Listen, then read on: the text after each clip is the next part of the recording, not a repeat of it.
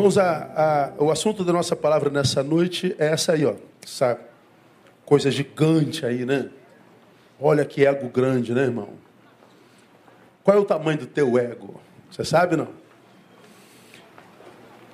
Nós vamos tomar por base capítulo 15, verso 1 de Provérbios, que é um dos textos, acredito, mais conhecidos da Bíblia Sagrada. Quer ver? A resposta branda, diga. Desvio o furor. Vamos juntos? A resposta branda, mais a palavra dura.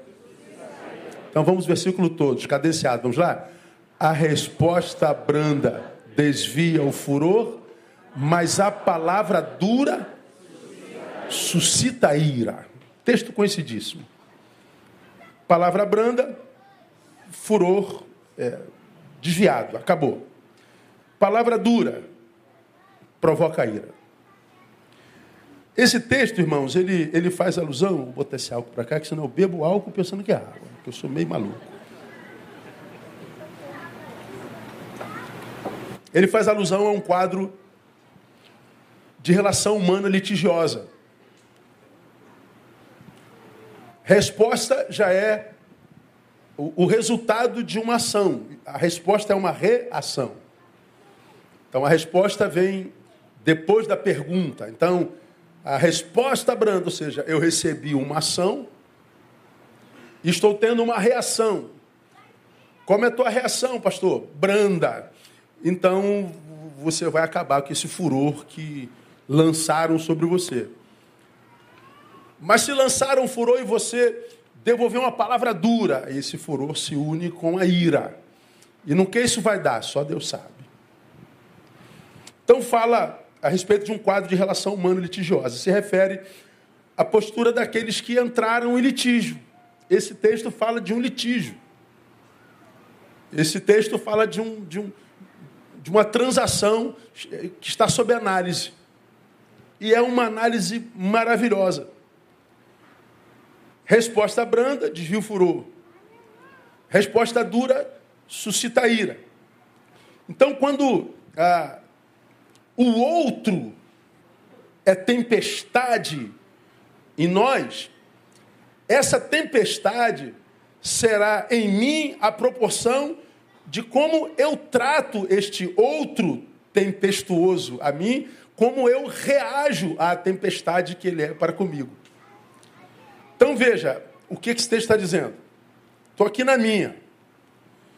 Aparece o sujeito na minha história e vem com litígio, vem com furor, vem com grosseria, vem sei lá com o quê? Com antagonismo.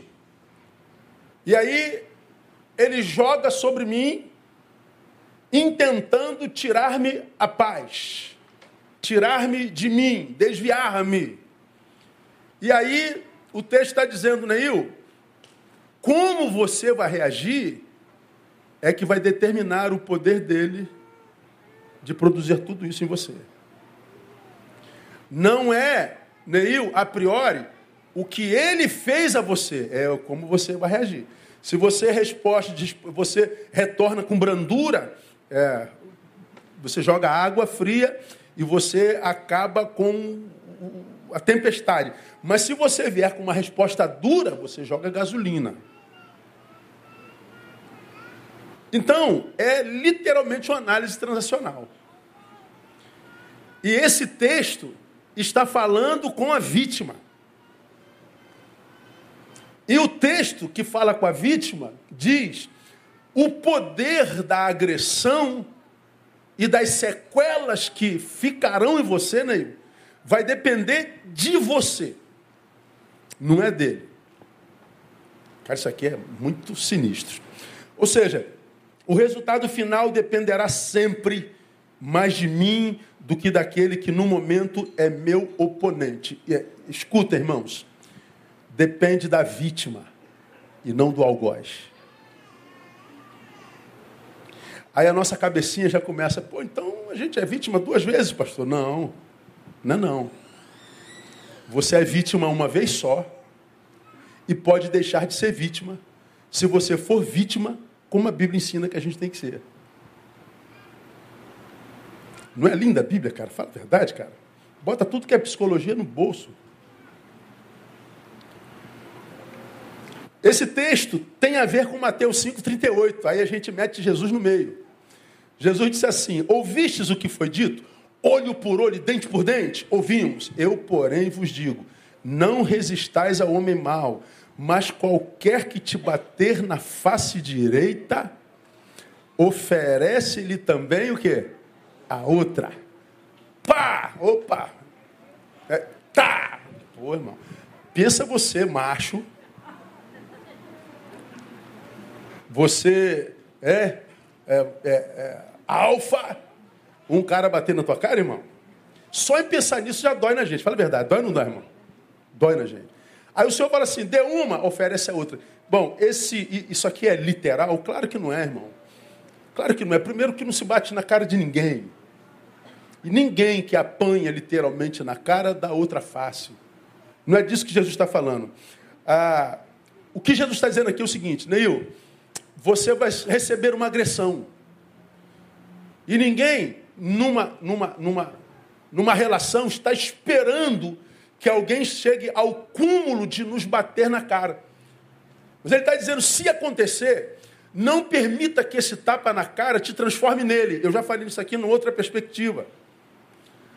Você bateu, você bateu também. Você sai da qualidade de vítima e passa a ser um aliado, porque vocês produziram o mesmo fruto.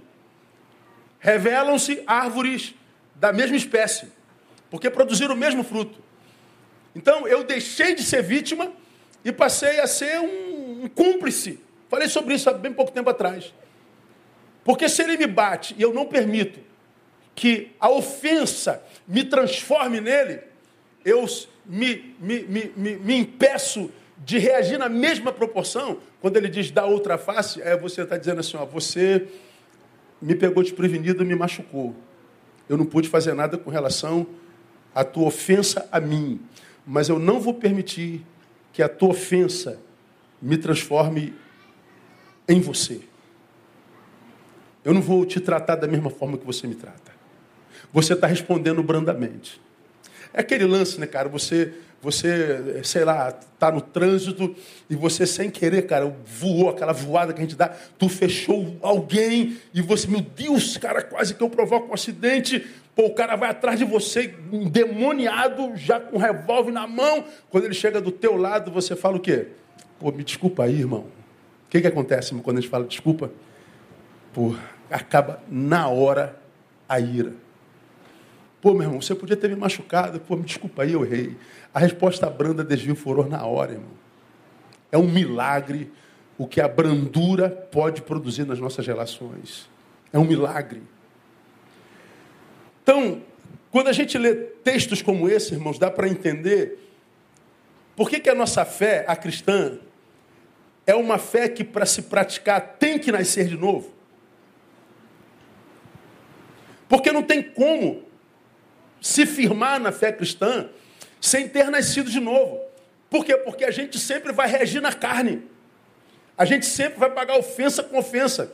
A gente vai pagar mentira contra mentira, a gente vai é, pagar violência contra violência. Mas o que nasceu de novo e é dominado pelo Espírito, ele consegue se controlar a ponto de não permitir ao seu agressor que o transforme na sua imagem e semelhança. O Evangelho, o cristianismo, irmãos, não é definitivamente para curiosos e nem para simpatizantes é para quem nasceu de novo, porque só nascendo de novo se consegue praticar os frutos do Espírito Santo. A gente se frustra muito com os crentes, porque tem mais crente ruim do que bom, porque a gente espera que, porque o sujeito é crente, nós vamos achar nele frutos do Espírito Santo. Só que a gente nunca vai achar fruto do Espírito Santo de gente que não nasceu de novo, ainda que ela seja membro de uma igreja cristã. Como diz Romanos 9,6, não que a palavra haja falhado, mas é que nem todos os que estão em Israel são israelitas. Nem todos os que estão na igreja, a igreja são. Nem todos que se dizem de Jesus, de Jesus são. Então nós vemos nas redes dos crentes muito mais ofensa, muito mais xingamento, muito mais falta de respeito, muito mais desgraça do que graça. Por quê? Porque não são crentes. Quando Jesus diz, você se responde com brandura, você joga água no fogo, Jesus está dizendo assim: quando você faz isso, reage com brandura, você se torna um pacificador. E o que, que a Bíblia fala sobre os pacificadores? Eles herdarão a terra. Ou seja, porque sou pacificador, eu herdo a capacidade de viver em paz. Agora, hoje nós vivemos numa polarização tão doentia, tão patológica. Estamos em guerra com quem a gente não conhece, nunca viu. Por uma razão que a gente também não conhece profundamente. E a gente está lutando contra o inimigo que, contra o qual, ou com o qual nós nunca estivemos. Aí você faz uma crítica mortal sem saber da origem daquilo que você leu, ouviu, e aí daqui a pouco você fez uma crítica mortal, vem outro que te faz uma outra crítica mortal e você faz outra para ele, aí vocês ficam se digladiando. Vocês estão sendo contaminados pela energia do outro, pela malignidade do outro, e aí não sabe por quê, que só dorme com remédio. Porque nós estamos todos deprimidos. Porque nós estamos todos angustiados, porque estamos todos tomados por ansiedade, porque que a gente bota a cabeça no travesseiro, a nossa mente fica trabalhando igual desesperada, sem parar de pensar, a gente quer dormir, a gente não consegue dormir, e a gente, como falamos domingo retrasado, mostramos aquela foto, a mão aqui nos, nos esguelando de dentro para fora, meu Deus, que angústia é essa? Porque você está atravessado por energias e opiniões de guerras que você não precisava travar, mas trava. Vivemos na sociedade, na minha concepção, absolutamente doente. Portanto, a brandura da resposta, irmãos, ela faz milagres e nos livra de dores desnecessárias. Tem dores que das quais a gente não tem como fugir, mas tem dores, irmãos, que a gente não precisaria nem estar sentindo. De vez em quando eu sou assim, pô, cara, tu não se importa com nada. Quer dizer, me importo com algumas coisas, mas eu não me importo com coisas que não me dizem respeito. Eu não me importo com coisas de só menos importância. Ah, deixa rolar, deixa passar. Vai aprender apanhando. E, e, porque se a gente for tentar controlar tudo, se a gente for tentar se meter na vida de todo mundo, se a gente for tentar controlar o que o outro. Tá... Mas você não pode dizer isso. Você não devia dizer isso. De quem é a boca, irmão? É minha? Não, é dele, não é? Então como é que eu vou dizer a ele o que, que ele pode e não pode dizer? Pastor, mas é falta de educação. De quem é falta de educação? É dele também. Pastor, mas isso é uma grosseria. É, e de quem é a grosseria? É dele também. Então, tudo que diz respeito ao outro, eu preciso me conscientizar. É algo sobre o que eu não tenho poder. Ele não deveria dizer, mas disse. Eu tenho que trabalhar com o dito. Ele não poderia ter feito, mas fez. Eu tenho que trabalhar com o que ele fez e não poderia. Mas tentar controlá-lo, isso é uma insanidade. A gente está tentando ter poder e governo sobre a nossa vida, sobre as nossas emoções e não estamos conseguindo. Aí você ainda quer controlar o comportamento, a boca, a reação do outro, vai morrer. E vai morrer antes da morte chegar. A brandura das respostas faz milagres e livra de dores necessárias. Então, se é verdade, irmão, Vamos pensar, por que tanta dificuldade para responder às ofensas com brandura? Por que, que a gente não vê mais brandura, gentileza? Não está difícil ser gentil, cara, eu reconheço, assim. Eu, eu passo pelo dia assim, tenho vontade de matar uns 15 todo dia, cara, assim. Cara, é, é, rapaz, às vezes eu fico com um nervo à flor da pele. Eu falo, Deus, se eu um dia estourar, eu vou ser uma bomba atômica, assim, cara. Quem tiver do meu lado vai morrer todo mundo. Porque às vezes tu está tão tomado de indignação, acontece com você ou só comigo? Acontece com você também, né, irmão? Pois é. Então, estamos pecando todos juntos, então tem misericórdia de nós, Senhor, porque nós somos pecadores. Então, controlar está cada vez mais difícil. Somos de uma época que fala assim, pô, fulano tem pavio curto. Ou seja, o cara era brabo. Hoje ninguém tem mais pavio. A gente não vem mais com pavio. É ferro afiando ferro todos se machucando o tempo todo. Perdemos a brandura, mas a Bíblia continua sendo Bíblia, continua sendo palavra de Deus. Por que, que a gente não consegue mais responder com brandura? Eu respondo. Leia comigo aquela palavra lá. Vamos juntos? Um, dois, três e. Ego. Mais uma vez. Um, dois, três e. O nosso problema é o ego. É o bendito ego. É o ego. Irmãos, ouvir desaforos, sobretudo quando se está certo, e raciocinar, não é para qualquer um, não.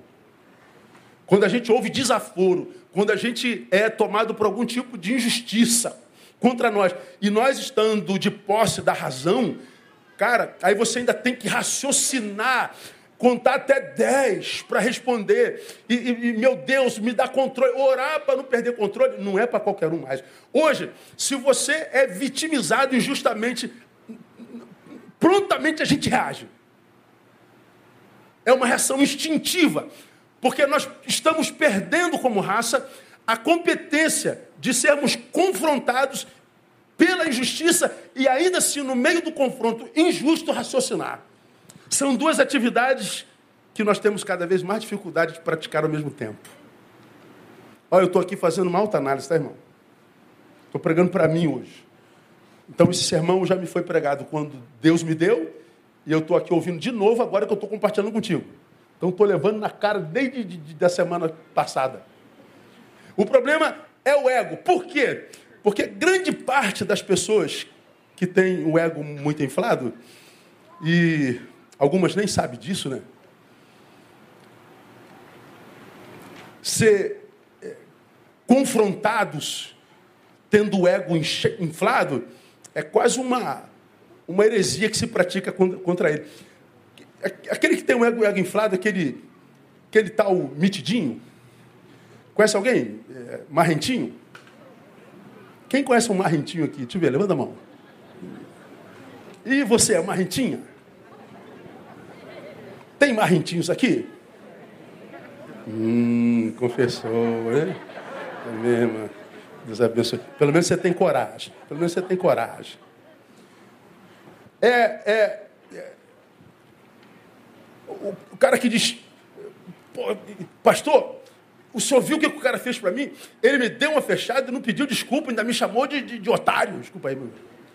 Ah, pastor, não dá, pastor. Aí o Marrento aparece, né? Aí o Valentim aparece. E quem é o Marrento e o Valentim? É aquele ego daquele tamanho que não cabe dentro de você.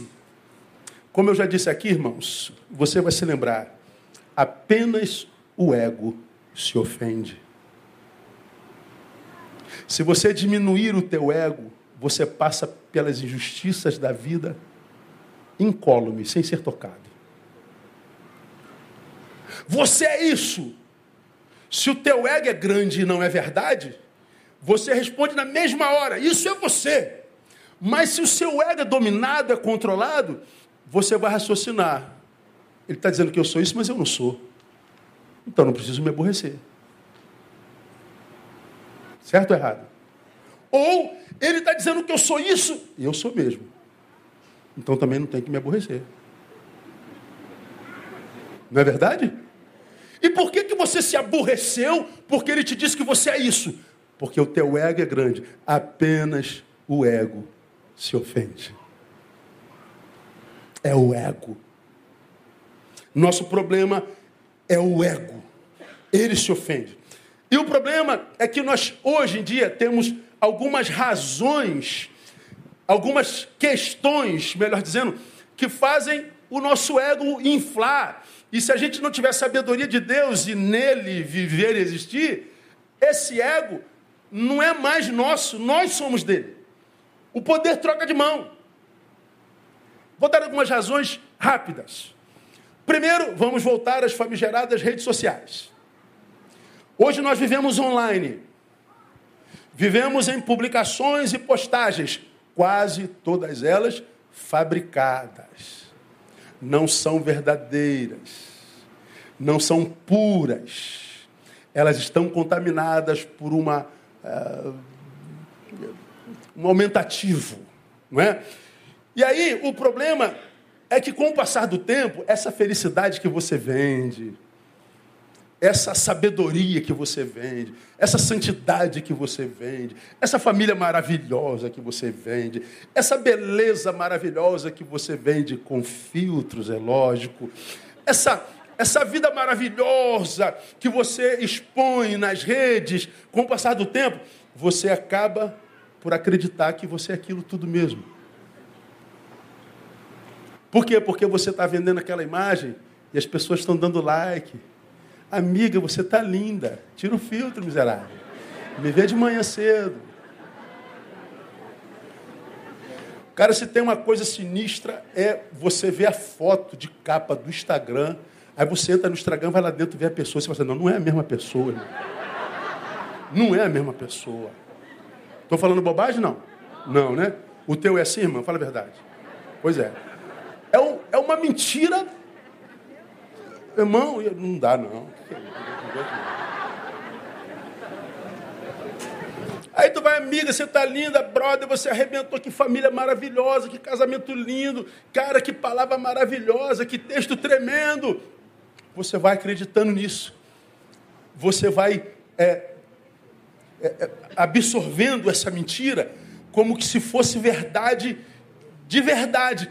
Acontece o que a gente chama de sequestro da subjetividade. Aquele não é mais você.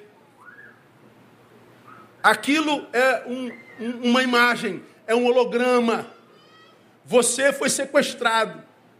Você é, é uma produção, é uma projeção. Você não é verdade você é sequestrado por aquilo, você acaba acreditando que aquilo tudo.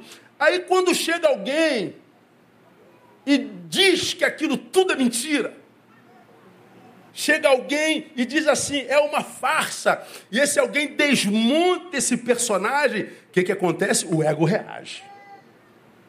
O ego não aguenta. Invejosa, safado, vagabundo. Mas por quê? Porque ele está desmontando a sua farsa. O ego reage, por quê? Porque ele lembra que o que você tomou como verdade é mentira.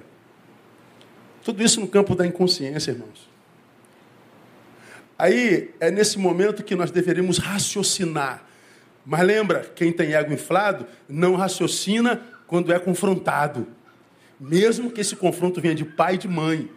Vocês acham que são pais de adolescente, de pré-adolescente, quando você diz vou te tirar da rede, você vai ter controle disso. Quando você, cara, ele se revolta, às vezes tu não conhece nem teu filho, porque ali no Instagram ele criou um mundo onde ele é o personagem principal. Ele não é mais um coadjuvante. Naquele mundo da rede, é a rede é dele. Ele é o personagem que ele quiser, ele é o ator principal.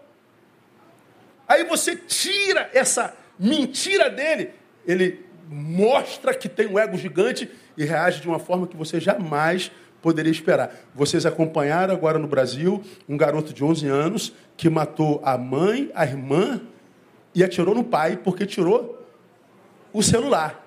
Família evangélica. Você sabe que reação é essa? Me devolva o meu mundo ideal. Mãe, me devolva meu mundo ideal. Pai, me devolva meu mundo ideal. Me devolva meu mundo ideal. Como não devolveram, eu prefiro matar quem está no meu mundo real. Ego. Isso acontece em todas as instâncias da nossa existência. É nesse momento que nós deveríamos raciocinar. Mas esse raciocínio só é possível por quem ainda não foi sequestrado pelo ego, não teve o sequestro da sua subjetividade. E o raciocínio deveria ser qual? O que nós queremos de fato, uma vez que houve esse confronto? Nós queremos acabar com o confronto? Nós queremos acabar com o litígio? Ou nós queremos restabelecer a honra do ego?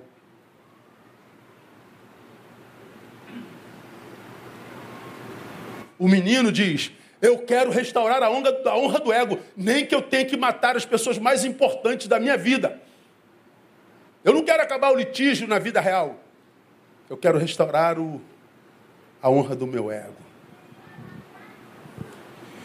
É o mundo que a gente vive hoje. Então, para quem tem ego inflado, a honra do ego é mais importante do que qualquer coisa. E aí o que, que acontece? A resposta nunca será branda a resposta sempre será dura e, consequentemente, suscitará a ira do seu oponente e as consequências só Deus sabe E nós estamos vendo o que está acontecendo por aí. Sempre o bendito do ego.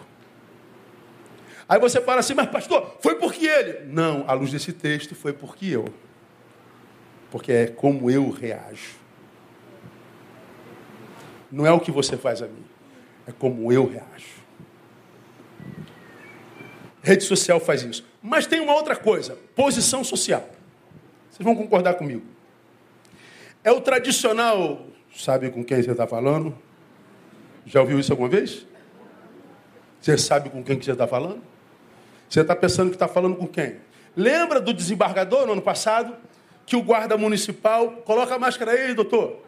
Não coloco máscara nenhuma. Tem que colocar, doutor, senão vai ser multado. Eu sou desembargador, desembargador também tem que colocar máscara, doutor. E o cara começou a humilhar lá o guarda municipal, o guarda municipal notou ele e tal, deu um bafafá danado. Resultado, ele foi condenado a pagar 20 mil ao guarda municipal, além da vergonha nacional. Quem você pensa que é guardinha, negro, para falar com um desembargador como eu? Ué, eu sou um ser humano e o senhor é um ser humano. Nós somos irmãos de raça. Só temos a cor diferente e a profissão diferente, mas nós somos a mesma porcaria. Vamos para o mesmo buraco, o sangue corre na veia da mesma cor. Só que a posição social de um faz com que esse um se sinta superior àquele outro.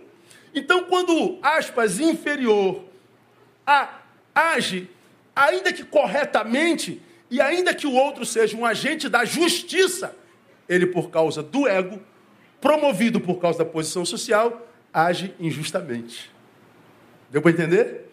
Posição social infla o ego do sujeito.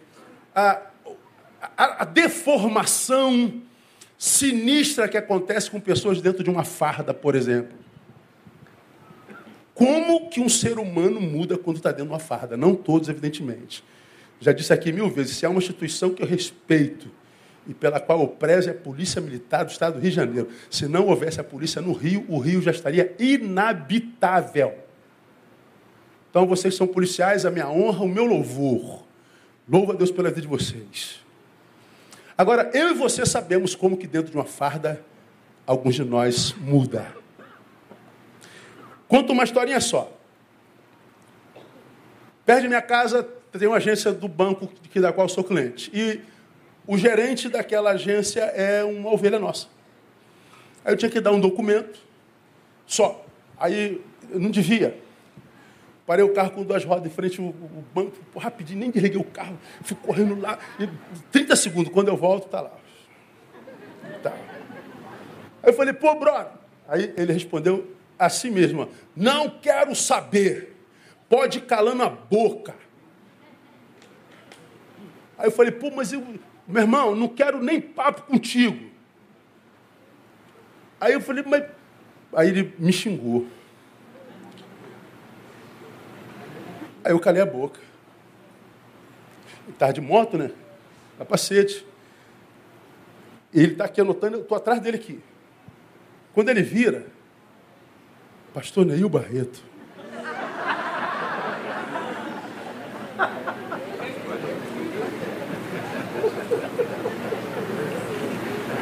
Minha ovelha está aqui nessa noite. Mas ficar tranquilo, eu não vou falar teu nome, irmão. Eu estou contando o caso. Fique tranquilo. Só eu e você sabemos disso. Agora você sabe o que é sinistro para mim, irmão? É a pessoa mais doce do mundo. Amado por todos. Querido por todo mundo.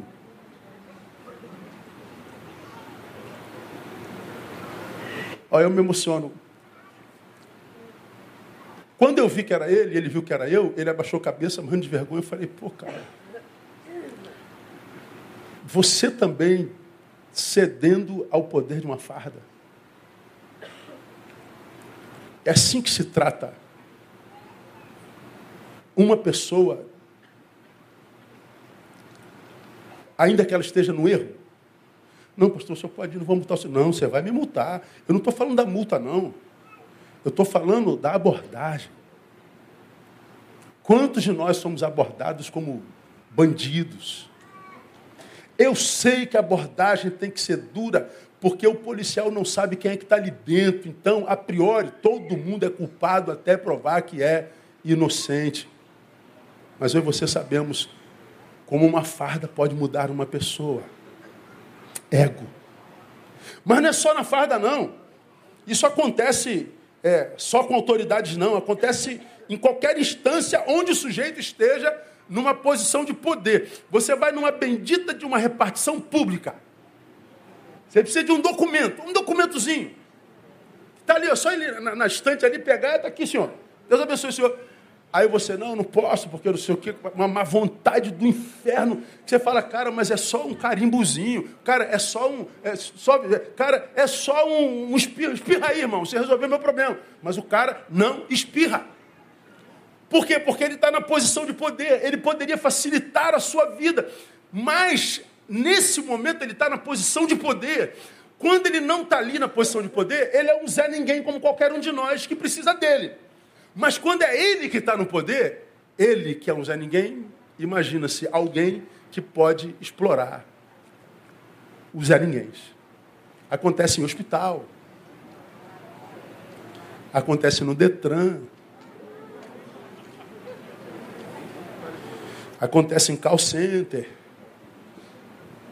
Acontece em vocês, seus miseráveis, que anda na esquerda da rua, atrapalhando a vida de todo mundo.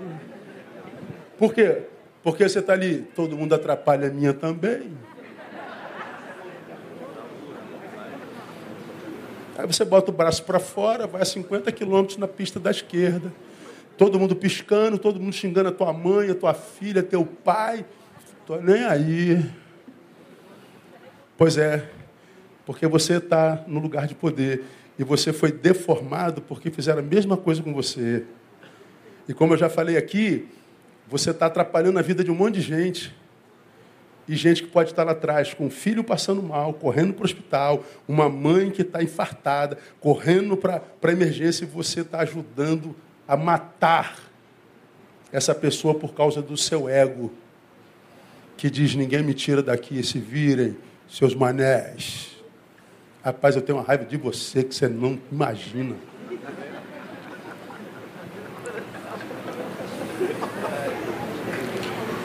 Pois bem, esse ego é o que Jesus chama nas, nos evangelhos de si mesmo. Mateus 16, 24, todos nós conhecemos. Então disse Jesus aos seus discípulos: Se alguém quer vir após mim, diga negue-se a si mesmo, ah, tome a sua cruz e siga. É, negue-se a si mesmo. Esse mesmo aí é o ego. Se alguém quer vir após mim, ó, baixa a bola do ego aí, irmão. Porque se você não baixar a bola do ego, ainda que você me siga, vai dar ruim. Agora, olha que coisa interessante nesse texto, irmãos. Jesus não está falando aqui, nesse texto, com quem deseja se tornar seu discípulo disse Jesus aos seus discípulos. Então já era convertido, já era chamado, já era vocacionado. E Jesus está falando a quem já teve uma experiência com ele. Se encontrou comigo? Amém. Quer que essa relação comigo seja abençoadora? Claro, Jesus.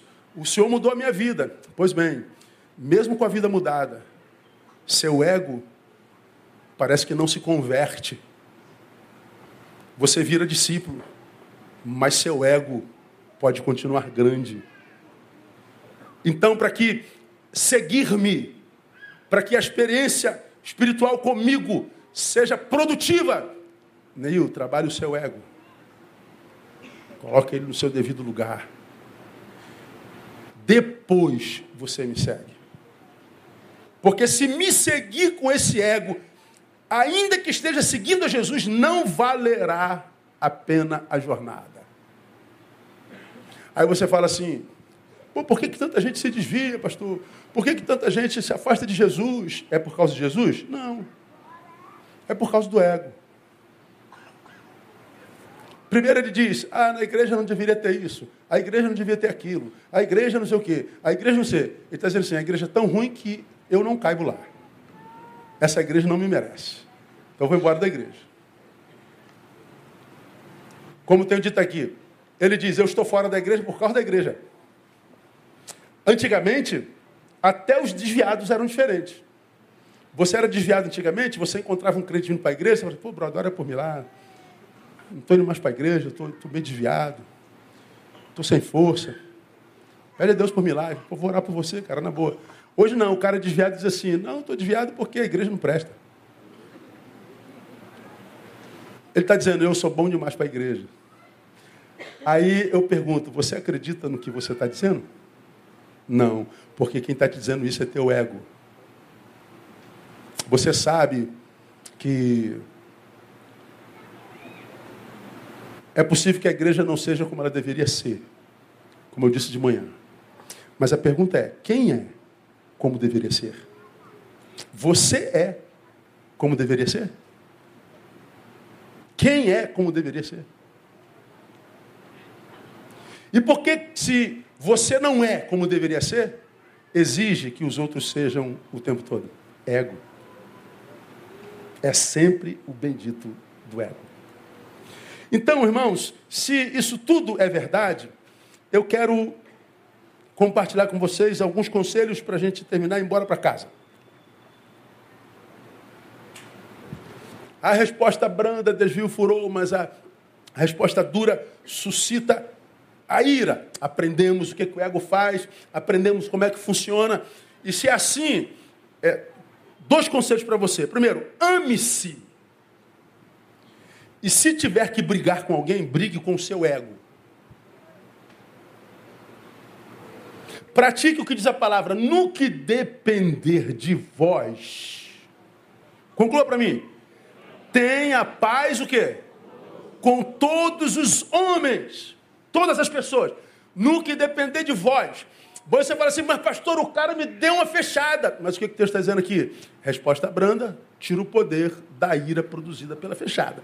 Então, se depende de você ter paz com esse miserento, tenha paz com esse miserento. Não briga com ele, briga com o teu ego.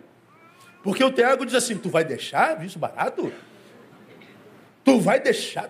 Tu é homem ou tu é um rato, rapaz? O ego te falando. Se é uma mulher ou tu é uma barata? Diz aí. Aí você fala para o eu sou mulher, sou guerreira, sou caba macho, eu vou atrás. É, pois é, o ego. É a tua briga consigo mesmo. Irmão, eu estou só levando na cara hoje, né, irmão? Fala a verdade. Rapaz, Deus me livre. Então, se tiver que brigar com alguém, briga com o seu ego. Isso te livrará de muitas dores. Por quê? Primeiro, porque lutar contra o seu ego é o negar-se a si mesmo. Nem o que é vir após mim, negue-se a si mesmo. O que é negar-me a mim mesmo? É lutar contra esse ego, que tenta me levar para um lado que não é aquele que Deus quer que eu vá, que me manda reagir de uma forma que a Bíblia diz que deve ser outra.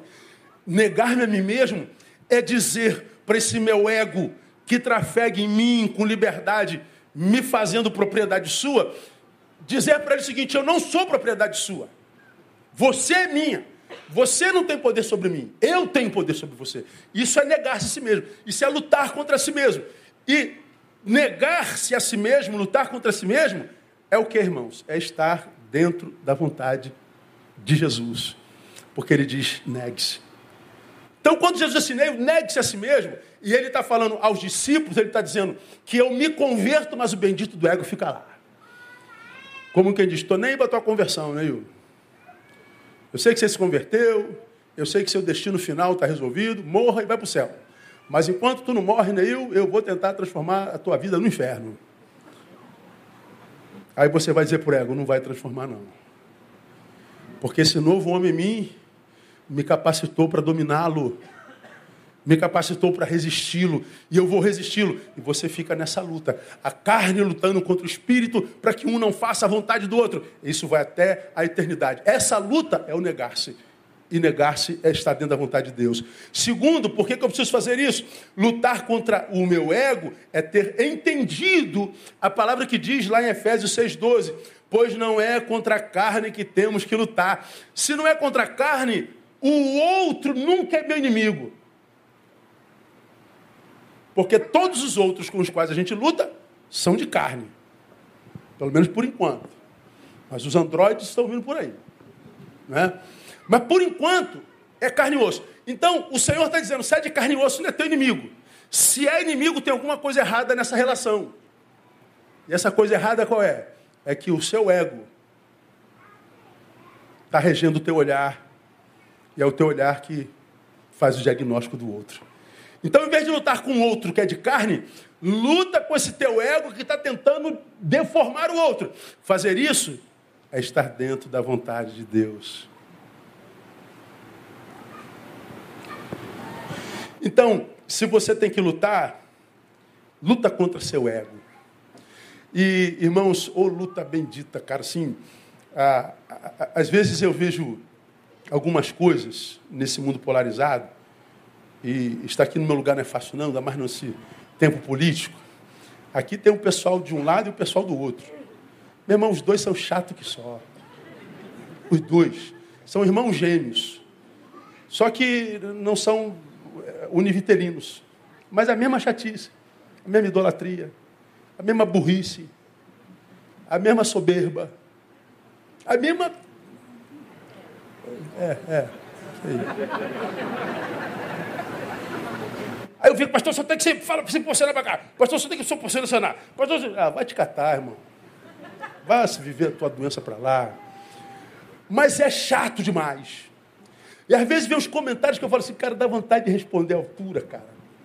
A esse sujeito que acha que é o, o, o, o cabeção dos cabeções da filosofia moderna.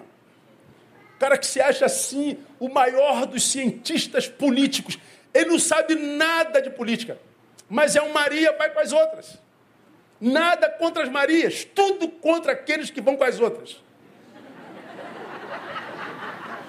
Mas as Marias são bênçãos. Então o cara é chato, ele não se enxerga. É o ego dele não permite que ele veja o quanto ele muitas vezes é ridículo. Aí, às vezes, cara, o meu ego fala assim, cara, eu vou com uma frase mostrar o quanto ele é ridículo. Mas aí vem o senhor e fala assim, não faz isso com ele, não, deixa ele, deixa ele brincar, pensando que é isso tudo aí, tadinho. Desmonta não, deixa o menino brincar. Eu falei, é, deixa o menino brincar. Aí ele vai embora todo feliz, ganhei do pastor Neil, caraca, arrebentei, botei pastor Neil no bolso. Falei, Jesus, deixa o garoto brincar. E eles vão brincar para lá. Mas que é chato, é, às vezes o ego diz assim, responde, cara põe no lugar, mostra a verdade, abre o olho dele. Não, deixa lá, ele vai abrir em outro lugar, nem que seja, a, vai abrir a cabeça em outro lugar, nem que seja batendo no meio fio, mas vai abrir uma hora ou outra. Né? Então, meu irmão, ame-se, e se você tiver que brigar com alguém, briga com o teu ego. Porque se você briga com o teu ego e vence, você terá vencido a mais importante de todas as guerras da tua vida. Amém, amado? Vamos aplaudir o Senhor aí? que ele é uma escola de vida. Segundo conselho e último, ame-se e não dê aos que não te conhecem o poder de macular o que você é de fato. Ame-se e não dê poder aos que te não conhecem de macular aquilo que você de fato é. Não dê a eles a oportunidade de acessarem o teu perverso ego. Pastor, como é que a gente faz isso? Primeiro, raciocinando, lembre-se, a maioria dos críticas ou das críticas que nós recebemos, nós recebemos de estranhos de gente que nunca sentou na tua mesa uma vez na vida. De gente que não caminha com você. De gente que não é comum no teu relacionamento particular. A maioria das críticas que nós recebemos na vida hoje é de gente que é tão pequena que reduz você ao momento do desacordo, do litígio. Eu explico. Eu, eu, eu, eu, eu, eu briguei com o Dilson. Ah, Dilson, você é mais preto que eu. Ah, mas tu também é preto, Neil. Mas tu é mais preto que eu. E pronto. Aí o cara fala assim, Neil é um safado sem vergonha. Por quê? Porque ele disse que era mais preto que ele. Bom, o Dilson vai sair pela vida dizendo, Neil é um safado sem vergonha. Por quê? Porque eu tive um litígio com o Dilson. Aí o Dilson vai para a rede. É isso, é aquilo, da da da dunda dunda da. Por quê? Porque ele me reduz ao momento do desacordo. Ele não é honesto o suficiente para entender que é possível que por causa desse desacordo ele me odeie. Mas se ele me analisasse amplamente, pô, como é que esse cara é amado por quase todo mundo, irmão? Como as pessoas curtem esse cara? Como é que esse cara abençoa tanta gente? Não, mas é pequeno, é um reducionista. Aí o que, que acontece? Se eu dou poder a ele de alcançar o meu ego porque ele fez uma publicação sobre mim, eu vou ouvir aquela publicação de um reducionista que não me conhece e eu volto para a vida para servir o resto do mundo maculado por aquela crítica perversa e injusta, porque eu não sou aquele momento apenas. Deu para entender, Hércules? Então eu ignoro isso plenamente, totalmente e continuo sendo o que eu sou. Bênção. Você precisa amadurecer para aprender a não dar a quem não te conhece poder de macular o que você é de fato de verdade, irmão. Quanta gente a gente atende dizendo, pastor, eu estou muito frustrado, estou muito decepcionado com, eu estou chateado com a ingratidão dele. Ingratidão é o nosso nome como sociedade humana hoje, irmão. A ingratidão é o nosso modus vivendi. Nós vivemos num mundo egóico. Nós vivemos num mundo onde o si mesmo é, é, é consumido em overdose. esperar do outro hoje é se auto-sabotar. Pelo amor de Deus. Então eu ouço lá uma crítica do Dilson e vou dormir irado do lado da Andréia, que está aqui sorridente me esperando no final da noite. Não, não, não quer saber de você hoje, não, porque o, o Dilson, é o Dilson está na cama contigo também. É assim que acontece ou não, irmão? Então, manda o Dilson se catar. Não, esse Dilson aqui é maneiro pra caraca. Quantos anos está aqui, Dilson? 14 anos. Nunca brigamos também, né, Dilson? Vamos brigar qualquer dia desse aí. Também não, né? Então, legal.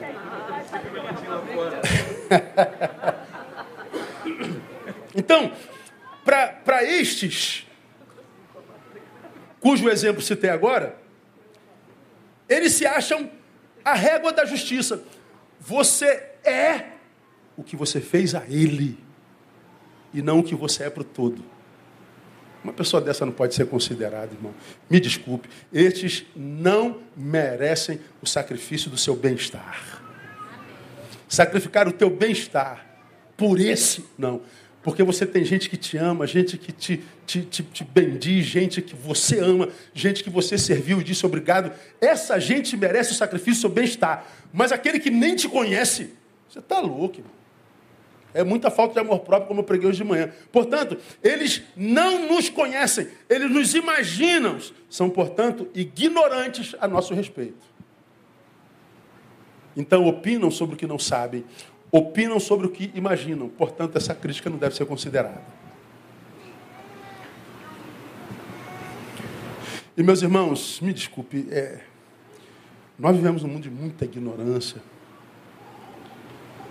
É, você passa pelas redes e fala assim, Jesus amado, eu não acredito. Aí eu citei hoje de manhã o, o, o Nelson Rodrigues. Nelson Rodrigues diz assim: os idiotas vão dominar o mundo não pela capacidade, mas pela quantidade. É, já estão dominando mesmo. Estão dominando mesmo. Porque eu vou te dizer, eu, eu nunca, jamais faria um comentário sobre uma fala de um minuto que foi publicada de um sermão de uma hora. Que eu falo assim, cara, eu não sei exatamente do que se trata, então eu vou falar, posso falar besteira, né, cara? Pago um amigo. E os miqueiros estão por aí, pagando, achando que são Jean Paul Sartre. Poupe-se disso. dessa opinião, aquela que principalmente que vai gerar litígio, aquela que pode te devolver resposta dura, que vai te contaminar, cujas energias te atravessarão. Como nos atravessa tantas energias que estão aqui agora. Eu e você sabemos que o, o, o Wi-Fi está ligado. E é por isso que isso tudo funciona. Então tem força aqui que a gente não vê, mas que estão atravessando a gente. E as nossas energias também nos atravessam. E a gente está lá pelejando uma guerra que a gente não precisava pelejar. Então, não seja como eles, dando-lhes o poder de estragar um minuto sequer do seu dia. Porque cada minuto é precioso, irmão. Toda vez que a gente acorda, devíamos acordar assim: Este é o dia que fez o Senhor. Alegremos-nos e regozijemos nele. Mas os tolos cujo ego é gigante estão por aí para estragar o seu dia. Não permita. Não permita. Gosto muito da ordem que Paulo dá aos irmãos de Tessalônica. Olha que coisa tremenda a Bíblia, irmão. 2 Tessalonicenses 3,7. Irmãos, nós vos ordenamos, em nome do Senhor Jesus Cristo, que vos afasteis de todo irmão que vive de forma indisciplinada e em desacordo com a tradição que recebeste de nós. Eu vos ordeno, não é uma sugestão. E ele faz com veemência, em nome de Jesus, que vos afastei de todo irmão que não anda segundo a tradição que de nós recebeste.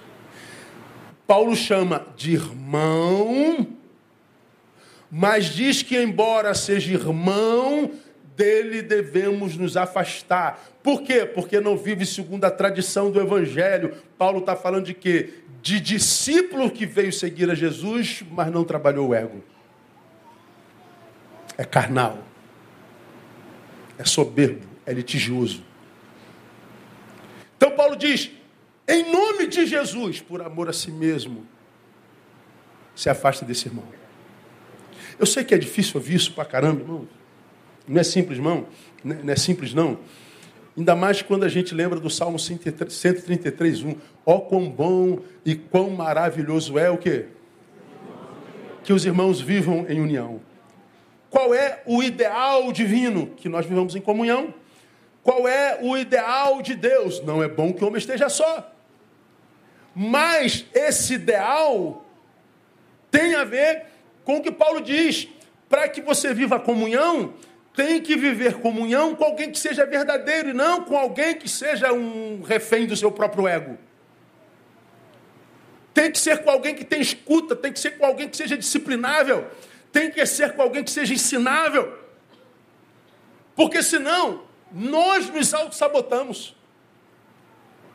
E, pelo que eu percebo, no que eu vejo nesse tempo presente, grande parte dos que estão ficando pelo caminho vivem uma vida que não vale a pena ser vivida, que estão vivendo uma vida que nunca sonharam, uma vida que não gostariam de estar vivendo quase sempre. O culpado ele mesmo. Porque esse texto, irmãos, nos, nos traz luz a uma, a uma realidade muito, muito tremenda. A, a, a qualidade das nossas relações e nossas posturas nessas relações. A resposta branda, Neil, a resposta é a tua reação.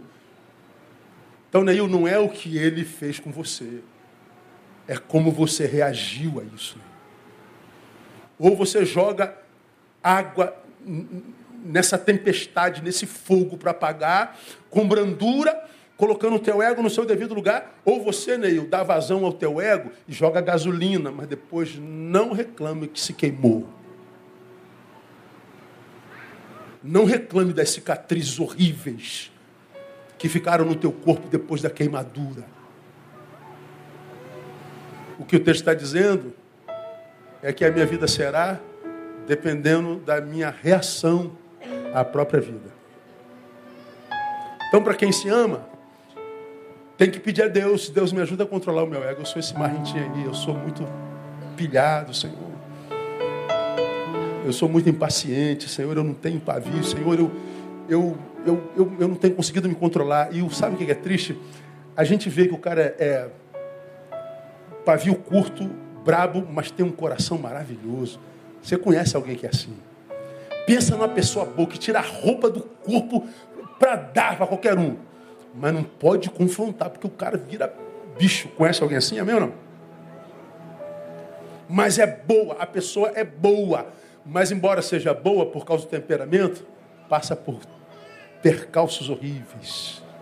Então, se você, se essa palavra é contigo, irmão, diga assim: Deus, me ajuda a controlar esse, esse meu ego, me ajuda a controlar esse pavio curto, me dá um pouco de pavio aí, Senhor. Libera uns rolinhos aí para mim de pavio. Senhor, me ajuda a ter paciência, me ajuda a contar de 1 a 10 antes de reagir, Pai. Porque eu, eu, eu percebo que eu tenho prejudicado a minha vida. Essa palavra de hoje é uma declaração de amor para com vocês. Porque cada um de vocês sabe para quem essa palavra foi. E eu termino com essa frase aí. Ó. Conselho final, vamos louvar e vamos embora. Fez a frase? Não. Leia comigo bem forte. Ame-se, lute contra teu ego e vença. Vive em comunhão, mas selecionem os que sentarão à mesa.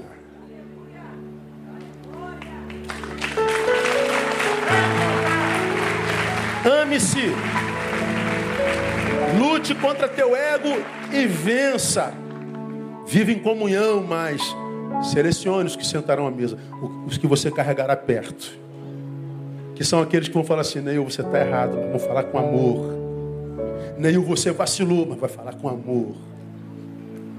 Nunca vão dizer você é um safado porque vacilou, você é um vagabundo porque errou. Não, não. Eles vão falar do teu erro com amor, porque está sentado à mesa. Agora você vai ouvir quem está longe, querendo dar palpite no teu caráter, é falta de amor próprio, irmão. Como a gente só tem uma vida para viver, e a maioria de nós já passou dos 30, irmão, não dá para perder mais tempo, não. Nós temos que remir o tempo, aproveitar cada minuto, cara. Porque o tempo passa cada vez mais rápido. Você dorme hoje, domingo, acorda no sábado. É tudo muito rápido, meu Deus do céu, gente. Aí eu vou perder tempo com gente que não me conhece, a, a eles o meu mais contundente desprezo. Porque eu tenho que me guardar para as pessoas que me amam e que são amadas e que estão perto de mim. Amém? Vamos aplaudir a Ele?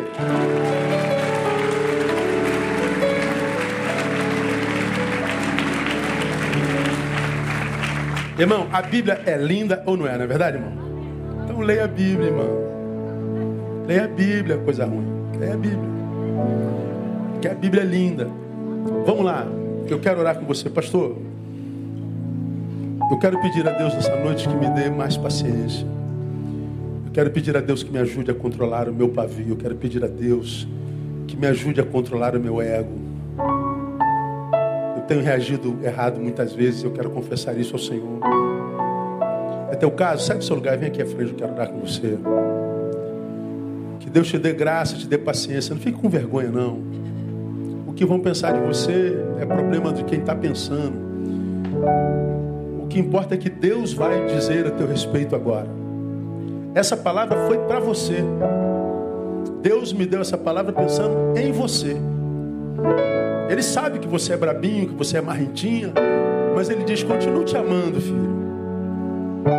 Continue te amando. Continue te querendo. Continue querendo te usar. Mas você tem que se ajudar. Você tem que fazer a sua parte.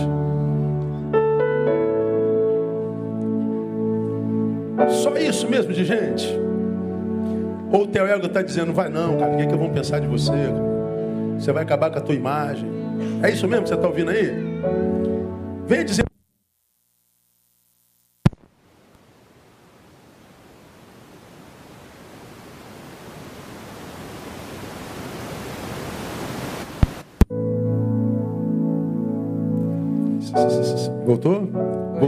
Isso é queda de luz, né? Então, algum milagre está acontecendo aqui hoje que o diabo quer atrapalhar. Eu acredito que tem gente aqui que já estragou a vida por causa do ego, por causa do temperamento. E o Senhor está dizendo: Eu quero restaurar a tua vida. Porque a minha vida está porque eu sou como sou, a tua vida está porque você é como é. Vamos ficar em pé? Vamos louvar ao Senhor? Depois nós vamos orar. Ainda dá tempo de você vir aqui confessar a Deus. Eu preciso de paciência. Eu preciso controlar o meu ego.